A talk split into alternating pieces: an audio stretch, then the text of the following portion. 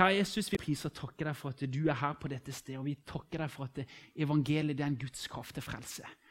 Og Det gjelder også i dag som det gjorde på, på den tida når du vandra her på jord, Jesus. Så ble folk frelst gjennom å møte deg. Gjennom å få et livsforvandlende møte med deg, Jesus. Og Det ser vi også skjer i dag. Og vi bare ber om at vi må få se enda, enda mer av det her også i vårt land. I Russland, Estland og Israel, Herre. Det ber vi om at vi som er her Nå vet jeg ikke om alle her er frelst, Jesus. Om det er noen som har falt bort ifra deg, Jesus, må du bare tale inn i vårt liv nå. Og må vi bli bevart eh, det veistykket vi har igjen mens vi ennå går her. Må du bare være med nå, Jesus. Da trenger jeg at du gir meg å tale som ditt ord. Vi ber i Jesu navn. Amen. Amen. Ja, det har vært litt forskjellige ting vi har snakket om denne uka, men forhåpentligvis har det hengt litt sånn godt litt i hverandre. Men så er det jo det jeg skulle komme til siste møte. Hvordan man skal oppsummere, eller hva en skal. Sant? Så jeg har vært litt, litt usikker. Men eh, det blir eh, Jeg tror det blir det det skal. For, for håpe det er i hvert fall det jeg er blitt minnet om. Men vi begynner likevel litt, for alt handler jo som vi begynte veldig tydelig på første møte på, på søndagen, det er jo det evangeliet. Det å ha et grunnfesta sinn, som var et uttrykk som vi henta fra Jesaja 26,3. Der det står Den som har et grunnfestet sinn, han lar du alltid ha fred, for til deg setter han sin lit. Så har vi jo vært hele uka nettopp i, på den plassen der vi skal få ha det grunnfesta sinnet. I det fullkomne frelsesverket. Og Det syns jeg var veldig flott, Torstein og så de åpningsordene du hadde, både i forhold til Jesus som vår himmelske ypperste prest. Han har satt seg, for det er ferdig. Det viser bare at det tjenesten er ferdig. Men allikevel, som også er godt for vår del, nå sitter han ikke bare sånn og venter på at ja, ja, håper de klarer seg. Håper de når målet. Håper de, håper de kommer fram. Nei, for det er feil. Vet du nå, Han er vår himmelske ypperste prest. Hebreerne 7,25 så står det at nå så lever han for å gå i forbønn for oss. Han, nå ber han for oss. Mens vi er på denne vandringa, en del av den kampen som vi også har snakka litt om og stoppa litt opp for. Vi må gå inn i Guds rike gjennom mange trengsler. Apostlenes gjerninger 1422. Og sier fra Romerne 8 også, så leser vi at både Jesus og Den hellige ånd ber for oss. Det er ganske stort. At vi har ikke en Gud som bare sitter nå og så Ja, ja, håper de, håper de klarer det. Håper det går greit. Nei, han er så, som vi snakka i forhold til denne bortkomne sønnen, denne eh, inderlige medynken, sånn som han hadde. Gud har, er så glad i oss. Og nå også er det både Jesus Kristus og Guds ånd, Den hellige ånd, de ber nå for oss etter det som er vår felles fars vilje, om at vi skal fullføre løpet og bevare troa. Og det gjør vi også. Bli bevart og bli inspirert, ikke minst, på den, den vandringa vi er en del av nå, gjennom å komme sammen sånn som dette her. Hver for oss sitter med en åpen bibel hjemme. Må det være, må det være mer enn et, bare et møbel, møblement, noe som står i ei bokhylle og synes det er pynt? Må det være noe vi leser? Sant? For det gjør noe med oss, uten at det skal bli plikt. Oi, oi, oi, jeg må, må. Men at vi har mulighet, folkens, vi har muligheten når det er Guds ord som er levende, så er det virksomt og skarpere enn noe tvega sverd. Og det gjør noe med oss. Og det er der også vi får det grunnfesta sinnet i Guds ord. Og at det ordet blir i oss. Jesus sier i Johannes 8, 31, Den som blir i mitt ord, han er i sannhet. Dersom dere blir i mitt ord, da er dere sannhet mine disipler. Og dere skal kjenne sannheten, og sannheten skal frigjøre dere. Der sier Jesus det ganske klart. Så ta med deg at dersom vi blir i ordet, da er vi sannhet i Jesus sine disipler. Og vi skal kjenne sannheten, og sannheten skal frigjøre oss. I ei tid der det er veldig mye som ligner på sannheten, men som allikevel er løgn. Også i det kristne landskapet så er det mer og mer som kan være litt sånn spiselig, og det som klør i øret for folk. Og vi vender oss bort, som, som Paulus sier til Timoteus, at det de siste tider så må du være obs, for da er det sånn at de skal vende seg bort fra sannheten og vende seg til eventyr. Det skal bli forkynt det som klør i øret, det som vi har lyst til. Som vi kan gå ut og ha, bare, sant, vi, vi går upåvirka ut for. Det gjør oss ingenting. Altså, det er bare sånn koselig, det vi hører. Ja, det er mye koselig i Guds ord, men allikevel så er Gud sannheten.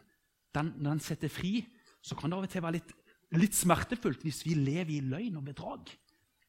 Så er dette her levende ordet som skal avsløre dette her. Det kan gjøre vondt, men det er Guds inderlige medynk som møter oss i Guds ord. Fordi han har så utrolig han, har så, han er så uendelig glad i oss og sitter ikke der. Men Jesus og Guds ånd lever for å gå i forbønn for oss. For at vi skal bli bevart i denne enkle troa på Jesus om at det er nok. Ypperste presten har satt seg, og det er ferdig. Derfor kunne han rope ut på Golgata. Det er fullbrakt. Det er fullbrakt. Og Vi kan gå inn i Apostlenes gjerninger 4, som vi har vært eh, hentet, Om ikke vi har lest, så har vi i hvert fall, i hvert fall sitert kanskje de kjente versene fra vers 20 om jeg har sagt flere ganger vet at det er veldig inspirerende å lese Apostlenes gjerning. og Det tror jeg alle sammen kjenner på. Det er jo en spennende bok. Du blir inspirert. Du blir, wow! For det er, jo som, det er jo mennesker som oss. Men de har fått et møte med Jesus, og så er dette her i kapittel 4, vers 20. For vi kan ikke la være å tale om det vi har sett og hørt. Vi kan ikke la være å tale om det vi har sett og hørt. Og Da var det etter de hadde blitt tatt i kapittel 3, etter de hadde, Peter og Johannes hadde helbredet denne lamme, tiggeren. Sølv eller gull har jeg ikke, men i Jesus Kristi Nazareans navn så byr jeg gå opp, stå opp og gå. Så blir han helbreda, så blir det veldig sånn der Texas. Hva er det som har skjedd? De, og de helbreda denne karen, og så ble det mye uenigheter. De ender opp med at det blir stilt framfor rådet, og så blir de tistilt. Liten der. Du kan, Vi snakka litt i går, var det vel, tror jeg, i forhold til den postmoderne tida vi lever i, som er et uttrykk for relativismen som vi opplever. At det fins ikke en objektiv sannhet. I dag så er alt relativt. I dag er det sånn at det, ja, ja, det, det, som er sant for deg, være, det, så lenge det gjør deg godt, så er det bra. Men det trenger ikke å være sant for meg. Men så vi, møter vi i Bibelen Guds ord. Her er sannheten. Jesus som er sannheten. Mens i dag også i det åndelige landskapet så er det mange nye religiøse strømninger. Klipp og lim, New Age, sant, som er en sånn samlebetegnelse for alt dette nye som inntar trosarenaen. Altså, det religiøse arenaen i forhold til, vi, vi, tar det beste fra alle religioner. Og så er det sant for oss så lenge vi nyter godt av det. Så lenge det gagner oss, så er det bra for oss. Men så møter vi her at uh, dette er sannheten med stor S. Ikke én sannhet, men sannheten. Og så fikk de høre Ti still, ikke Peter Johannes. Hold det for dere sjøl. Men da er det de, disse menneskene, de som hadde måtte, både hadde blitt, måtte lide masse for Jesu navns skyld, der de står og ser på disse fra rådet. Og så, bare, og så spør de litt sånn Døm selv, vers 19, hva som er rett i Guds øyne, og adlyde dere mer enn Gud. Fordi og sånn som folk i dag også sier rundt oss. Vær kristen, men du trenger ikke å gå rundt på, fra dør til dør og skal få alle til å bli kristne. Bare, men bare hold det for deg sjøl, så er det greit. Så er vi venner. sant? Her var det også litt den der, der, døm, Men så svarer de døm selv hva som rett i Guds øyne, og adlyde dere mer enn Gud. For vi kan ikke la være å tale om det vi har sett og hørt. Og det vet vi også skjer i dag. Nå, jeg, nå så jeg jeg tror det var, var det ikke på torsdag det var fakkeltog for de forfulgte kristne i Stavanger. Ja, og jeg synes Noe av det som inspirerer meg mest i min etterfølgelse av Jesus, det er også den lidende kirke. For da ser vi at dette skjedde i apostelens gjerninger, men det skjer også i dag. At veldig veldig mange må lide, mange mange millioner må lide pga. troa si på Jesus. Og det er uten at de har gått på bibelskole, vært del barnelag, ungdomslag, gått i en menighet. Men de har fått et møte med Jesus og evangeliet. De har kommet, Vi har vært et uttrykk denne uka som flere ganger vært stoppa litt opp for det med sannhetserkjennelse. Som røveren på korset han kom til sannhetserkjennelse om hvem han var, og om hvem Jesus var.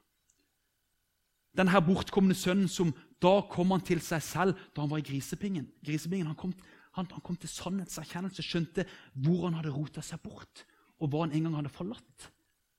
Sant? Og det der også mange i dag der det er ulovlig å være kristen. De kommer til sannhetserkjennelse gjennom ordet, det samme ordet som du og meg har.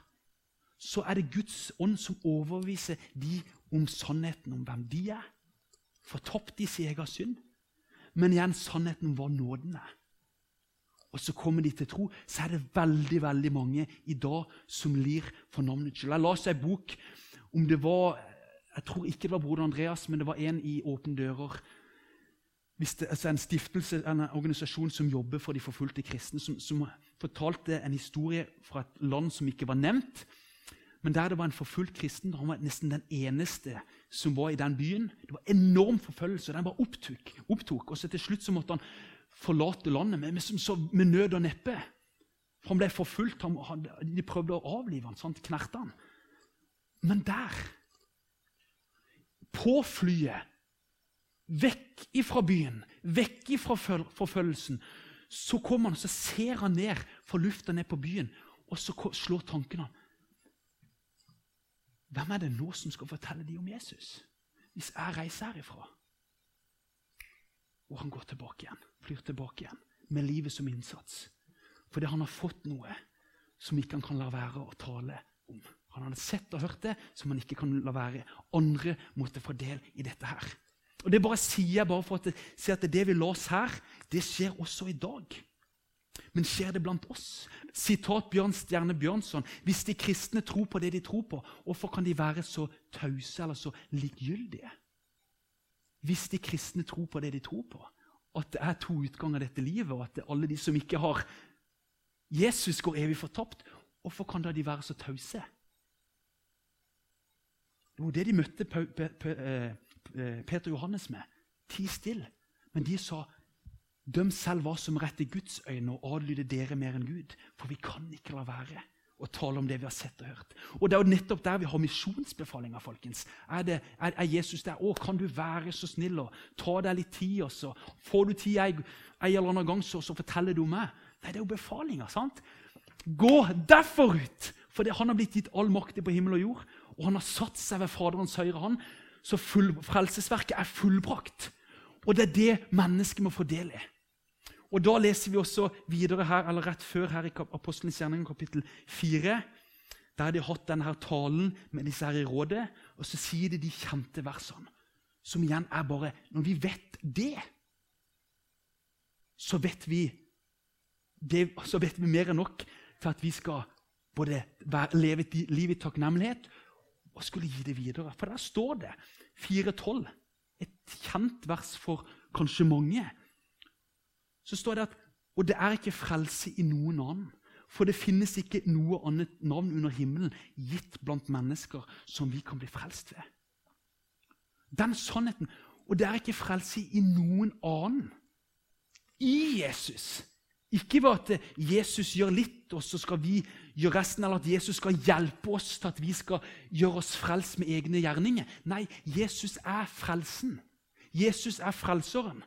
Og igjen eh, altså sant, Det hebraiske ord og uttrykk sant, på, på, hebraisk, så, eller på grunnteksten altså, på, eller på hebraisk, så er det ikke, eh, er det ikke Jesus. Det kom ut ifra gresken som ble eh, Jesus, som ble oversatt Jesus fra engelsk. Og fra engelsk så har vi tatt Jesus på norsk. Men det han ble omtalt som liten, det var Jeshua.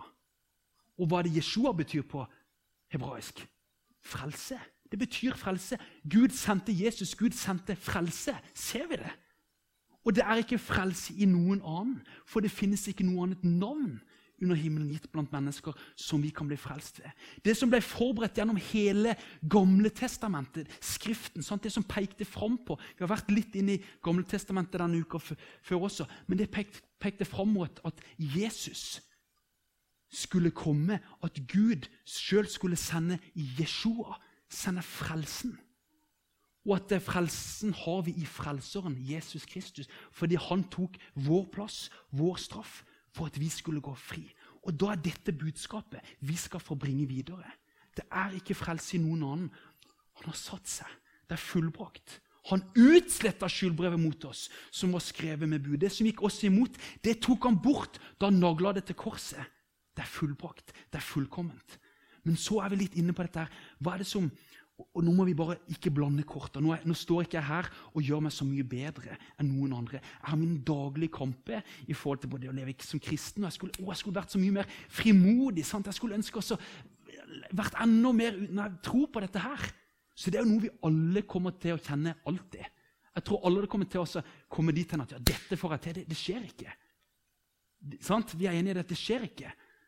Men vi skal se at, det, at, det, at dette her er en oppgave vi har hver for oss, men også sammen. For det er ikke frelse i noen annen. Og det er det folk i Norge, i Russland, Estland må få del i. Det fullkomne frelsesverket.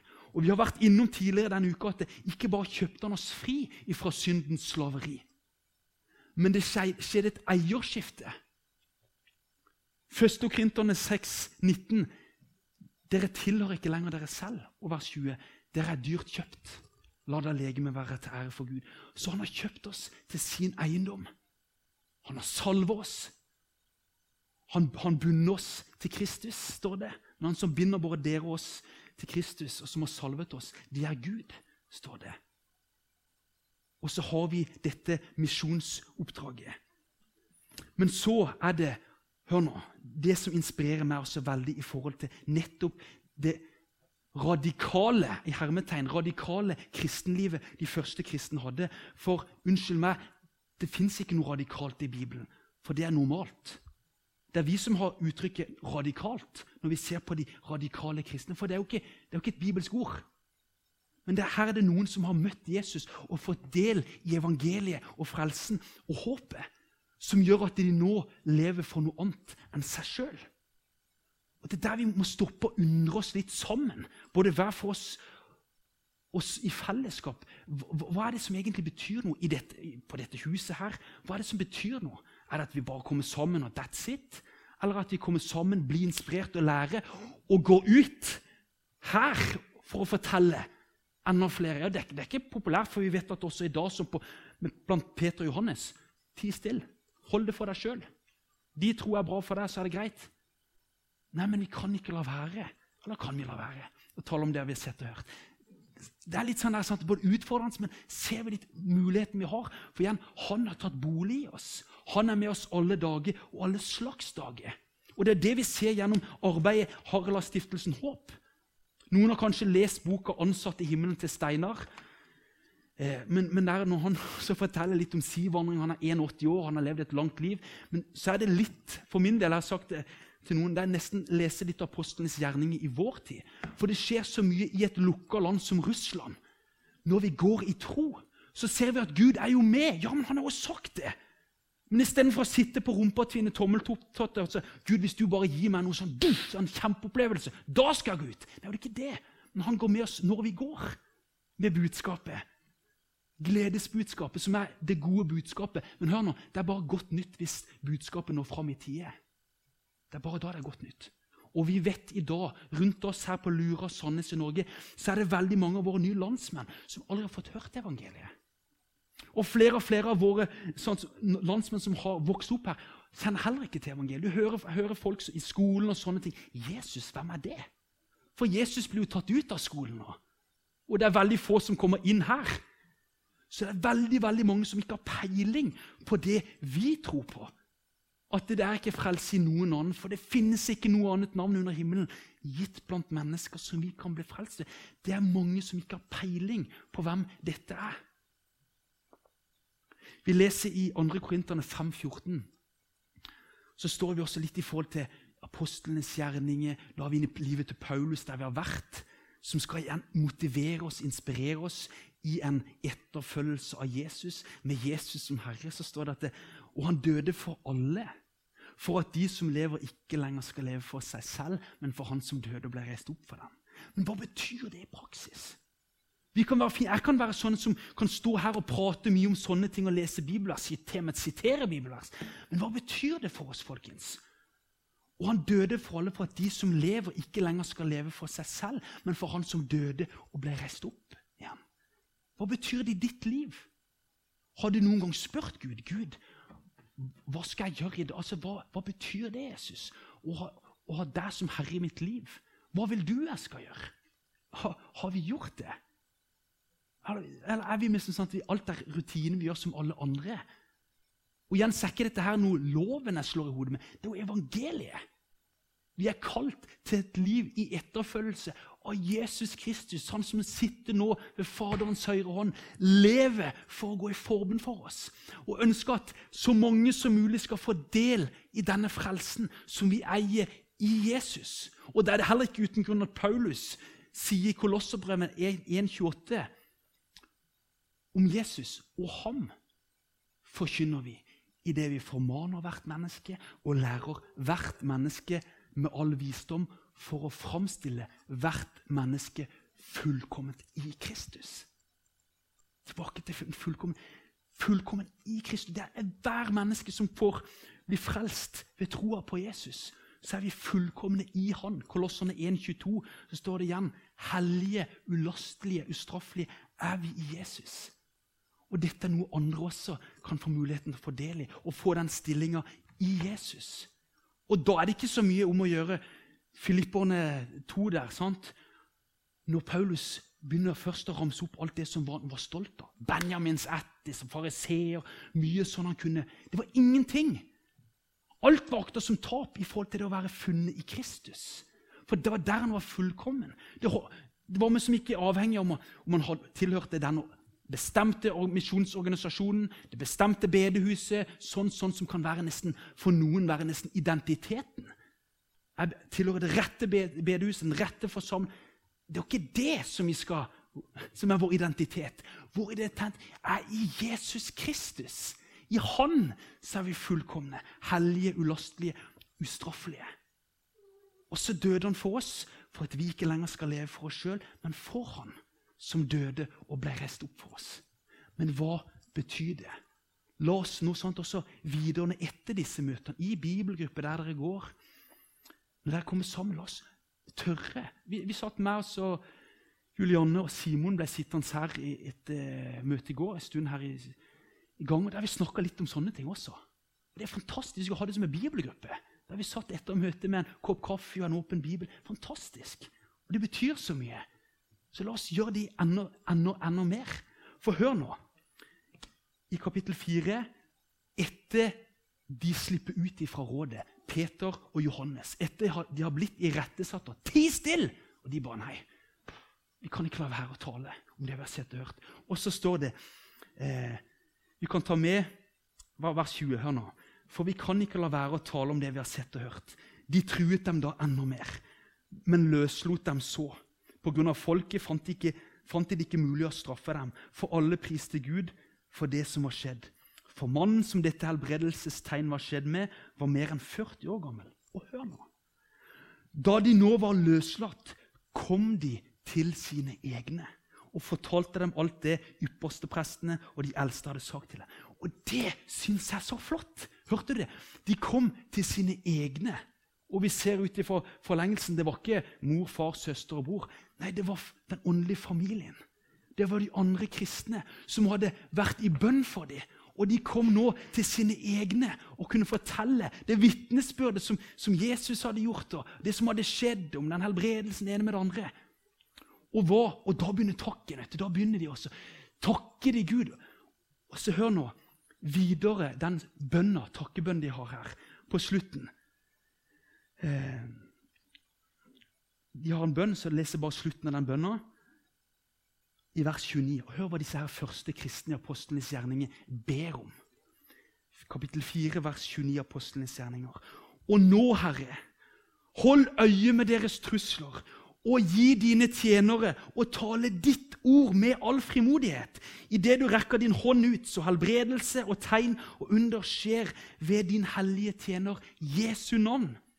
Og da de hadde bedt, skalv stedet der de var samlet, og de ble alle fylt med Den hellige ånd, og de talte Guds ord med frimodighet. Hør, Jeg syns det er fantastisk, akkurat det vi er vitne til her. Her kommer de. De har vært i bønn for to av søsknene som har vært tatt avsides og skal prøve å bli liksom, Om ikke tatt av dage, i hvert fall blitt at de skal prøve å stoppe dem i å vitne om Jesus. Og så blir den gledesjubel når de kommer tilbake til sine egne. Og så ber de gi oss frimodighet til å tale i ditt navn, Jesus. Gi oss frimodighet. Det er det de ber om, for at enda flere skal få del i denne frelsen vi har. Så skalv stedet der de var samla, og de ble fylt med Den hellige ånd og talte Guds ord med frimodighet. Var ikke det flott? Og så skal jeg avslutte. Jeg ser klokka løper altfor fort. Men så skal jeg avslutte. så Nå har vi sett at budskapet, budskapet kapittel 4, vers 12. Og det er ikke frelse i noen annen, for det finnes ikke noe annet navn under himmelen gitt blant mennesker som vi kan bli frelst ved. La oss si at dette er vårt budskap å gå med. Og hva gjør vi? Nå skal vi se noe som utfordrer meg. Nå jeg husker gang første gang jeg beit meg, beit meg det merket. Det er i andre kongebok, kapittel 7. Så skal du se noe her i forhold til det med et budskap som er godt, om vi skal ha det for oss sjøl, eller om vi skal dele det. Andre, konge, andre kongebok, kapittel 7. Så kan vi lese, og nå er det med som i Nordrike Vi la oss vel hva det i går vi hadde om litt sur i dagene om Nordrikets fall. Sant, og stoppa litt her. Dette her er før dette her. Men nå er det Samaria, byen Samaria som blir beleira av kongen fra, i Syria. De beleirer, og mattilgang, alt blir stoppa opp. Og det blir en enorm nød. Hungersnød. Kjempeintens nød innenfor disse murene. Og dermed som folk, folk dør hvis ikke noe skjer. Kapittel 7, vers 3. Men så skal vi se noen, noe, noe som skjer her. Foran byporten var det fire spedalske menn. De sa til hverandre, 'Hvorfor skal vi bli sittende her til vi dør?' Sier vi vi vil gå inn i byen, så er det hungersnød i byen, og vi må dø der. Blir vi sittende her, og, eh, så blir vi sittende her, må vi også dø. Så kom nå og la oss gå over til syrernes leir. Lar de oss leve, så lever de. Dreper de oss, så dør vi. Så sto de opp i skumringen og gikk over til syrernes leir. Da de kom til utkanten av leiren, fantes det ikke én mann der. For Herren hadde latt syrernes leir få høre lyd av vogner og hester, lyden av en stor hær. Da sa de til hverandre.: Du skal se at Israels konge har leid hetittkongene og kongen i Egypt til å gå mot oss. Så brøt de opp i skumringen og flyktet. De forlot sine telt og sine hester og sine esler, hele leiren som den sto der, og flyktet for å berge livet. Da de spedalske kom til utkanten av leiren, gikk de inn i et telt og åt og drakk. og De tok sølv og gull og klær der og gikk bort og gjemte det. Deretter vendte de tilbake og gikk inn i et annet telt og tok det som var der, og gikk bort og gjemte det. Sånn, det er jo luks for en velstand, for en opplevelse med livet som inns. Og de var så, ok, vi går der, la de oss leve, så lever vi. Sant? Men den var tom. Vers 9. Men så sa de til hverandre det er ikke rett, det vi gjør. Dette er dagen da vi kan bringe et godt budskap. Tider vi stille og venter til morgenen gryr, så faller det skyld på oss. Så kom nå, og la oss gå inn og melde det i kongens hus. Ser vi likheten? Ser vi litt likheten? Her har de fått del i noe som kan redde de sitt eget folk som er inne i byen, Samaria. Her er det enormt med mat og rikdommer som ligger etterlatt i den leiren der syrerherren flykta fordi Gud hadde latt de høre en lyd som skremte vettet av dem. Og hvis de nå skulle bare gått og tatt dette her for seg sjøl, så hadde jo bare de spedalske der fått del i dette, denne gleden. Men det er ikke rett, det vi gjør. La oss gå og dele dette budskapet med de som trenger å høre det. Og det samme skjønner vi litt i forlengelsen av det vi har stoppet opp for denne uka, denne kvelden, i forhold til det vi tror på. Vi har opp, blitt utfordra i forhold til det å, være, å ha Jesus som herre i sitt liv. La oss snakke om det. La oss snakke om det med hverandre. Oppmuntre. Og igjen har vi snakket om at det, den bortkommende sønn Kommer vi bort ifra Jesus, så står han så veldig gjerne. Han står der med åpne armer og ønsker oss tilbake. Men så kan alt kokes ned i det budskapet, og det er ikke frelse i noen annen. For det finnes ikke noe annet navn under himmelen gitt blant mennesker som vi kan bli frelst ved. Nå vet du budskapet. Nå vet du budskapet. Skal vi holde det for oss sjøl, eller skal vi dele det? Og Der kunne jeg sagt amen og satt meg, men bare litt sånn helt, helt til slutt. Hva gjør dette budskapet her med oss egentlig? Dette har vi hørt så mange ganger før. Men her på huset også i forhold til et, det å nå de på utsida. Bryr det oss? Eller har vi mer enn nok med oss sjøl? Har vi nød for dem, eller tenker vi mer på oss sjøl? Bibelen ønsker at vi, dette budskapet vi har fått del i, du og meg som har blitt frelst av bare nåde, at det skal bli, komme andre til del. At de også skal i den gleden som vi har fått del i. Og det er det vi er kalt til. Og han døde for alle, for at de som lever, ikke lenger skal leve for seg sjøl, men for han som døde og ble reist opp for dem. For dem. La oss oppmuntre hverandre. Vi skal bare la den ligge litt, henge litt. Og så er vi kalt til å være ordets gjører, ikke bare dets hørere. Men åssen kan du i ditt liv ta dette videre? Noen få i en kristen forsamling står her og forkynner. Men alle møter vi mennesker. Alle er vi kalt. Når Jesus sa den barmhjertige samaritanen, historien er 'gå bort og gjør like så'. Alle er vi kalt til å se vår neste både nøden som vi opplever i, i Russland, materiell. Det er både materiell og åndelig nød. Men vi er kalt til å gå til begge, både i forhold til det materielle og det åndelige. Det samme gjelder også på mange måter i våre nabolag, i vårt land. La oss backe hverandre og stå sammen, og at vi kan komme til våre egne, som Peter og Johannes, komme til våre egne og kjenne på en nærhet, tilhørighet, og at vi står sammen i dette oppdraget. Kjære Jesus, vi bare er og priser deg og takker deg, Herre, for at du er, du er budskapet. Du er vår frelser. Du er vår venn, du er vår bror, du er vår konge, du er vår forbeder, Jesus. Og det takker deg når ikke vi klarer å be sånn som vi burde, Herre Jesus, så, så er det både du og, Den hellige ånd. Dere ber for oss etter, etter, det som er vår felles fars vilje. Jeg bare ber i forlengelsen av det vi har fått høre nå. Bare ber om at du må få prege oss. Jeg ber om at du må forlede oss, at ikke dette skal bli noe ork, Herre, men at du med din ånd må virkelig lære oss å overbevise at vi kan si at dette er jo det vi er kalt til, og dette er nåde. Og dette er et liv så, ja, i, etterfølgelse av det her, som vi er kalt til både hver for oss og sammen. I enda større grad sammen. At vi kan oppmuntre hverandre til å leve det livet vi er kalt til, som er annerledes i manges øyne. Kjære Jesus få din vilje med oss, og gi oss visdom til hvordan vi kan ta dette videre i vårt liv. Gi oss visdom og lære oss og, hjelpe oss til å se mennesket sånn som du vil vi skal se det Jesus. For at enda flere kan få del i dette budskapet som ikke vi er kalt til å holde for oss sjøl her inne på Lyra bedehus. I Jesu navn